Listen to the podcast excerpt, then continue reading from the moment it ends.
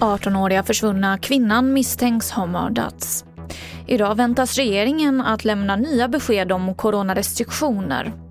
Och Tyskland stoppar nu vaccineringen med AstraZenecas vaccin för personer under 60 år. TV4-nyheterna börjar med att polisen misstänker att den 18-åriga kvinna som är försvunnen i Hör har blivit mördad. En ung man är gripen misstänkt för mord och vi hör vår reporter Mikael Nilsson som rapporterar från Hör. Vid elva-tiden så kom ett stort antal polispatruller inkörande här på den här skogsvägen. Flera hundpatruller bland annat för att spärra av eh, omedelbart efter att vi kom till platsen. Och detta ledde då fram till att man efter en stund meddelade att en man har gripits då eh, han är misstänkt för brott. Polisen har spärrat av ett mycket stort område här i Skogspartiet bakom mig. Eh, vad det är för fynd som har påträffats det är något som polisen inte vill gå in närmare på. De vill heller inte bekräfta att den då 18-åriga eh, unga kvinnan att hon är påträffad eller ej. Utan bara meddela att ett grovt brott har inträffat.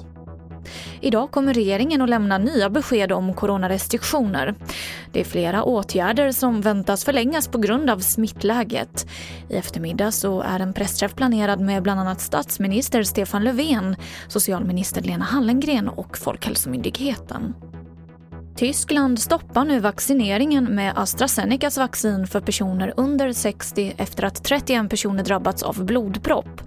Det är inte bevisat att det är en biverkning av vaccinet och I Tyskland så fortsätter man ge AstraZeneca-vaccin till personer över 60, bland dem landets 66-åriga förbundskansler Angela Merkel.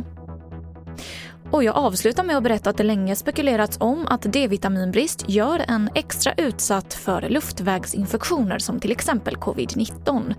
Nu har svenska forskare bidragit till den hittills största sammanställningen på området och konstaterar att vitaminet har en skyddande effekt mot många typer av infektioner i luftvägarna.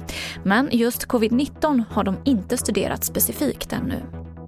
Och det var det senaste från TV4 Nyheterna. Jag heter Emily Olsson.